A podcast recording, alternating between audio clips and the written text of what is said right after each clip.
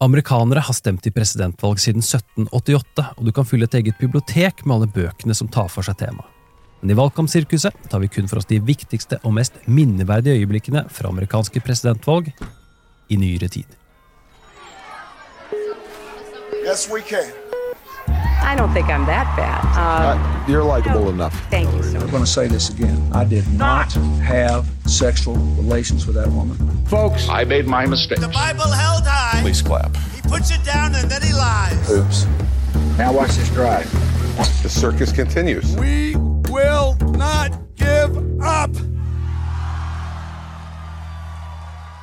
Hver episode forteller én historie, og i 2024 følger tematikken valgkalenderen fram mot presidentvalget. Vi tar for oss tidligere hendelser, kandidater og valgkamper som på hver sin måte gir en bedre forståelse av hvorfor ting er som de er i 2024. I episodene får du høre fra ulike eksperter, intervjuer med flere av kandidatene det hele handler om, og en haug historiske lydklipp.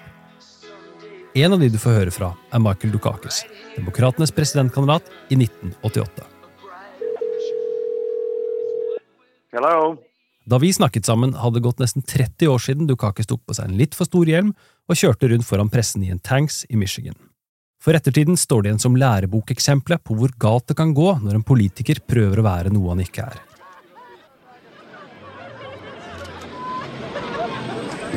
Well, I made two big mistakes.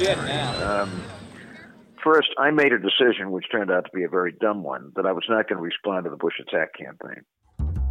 Jeg heter Are Togoflaten, jeg er redaktør av amerikanskpolitikk.no, og jeg gleder meg til å fortelle historier som denne fra tidligere valg som på hver sin måte gir en bedre forståelse av valgkampen vi står overfor. My wife and I have to see a dentist, but not for a while.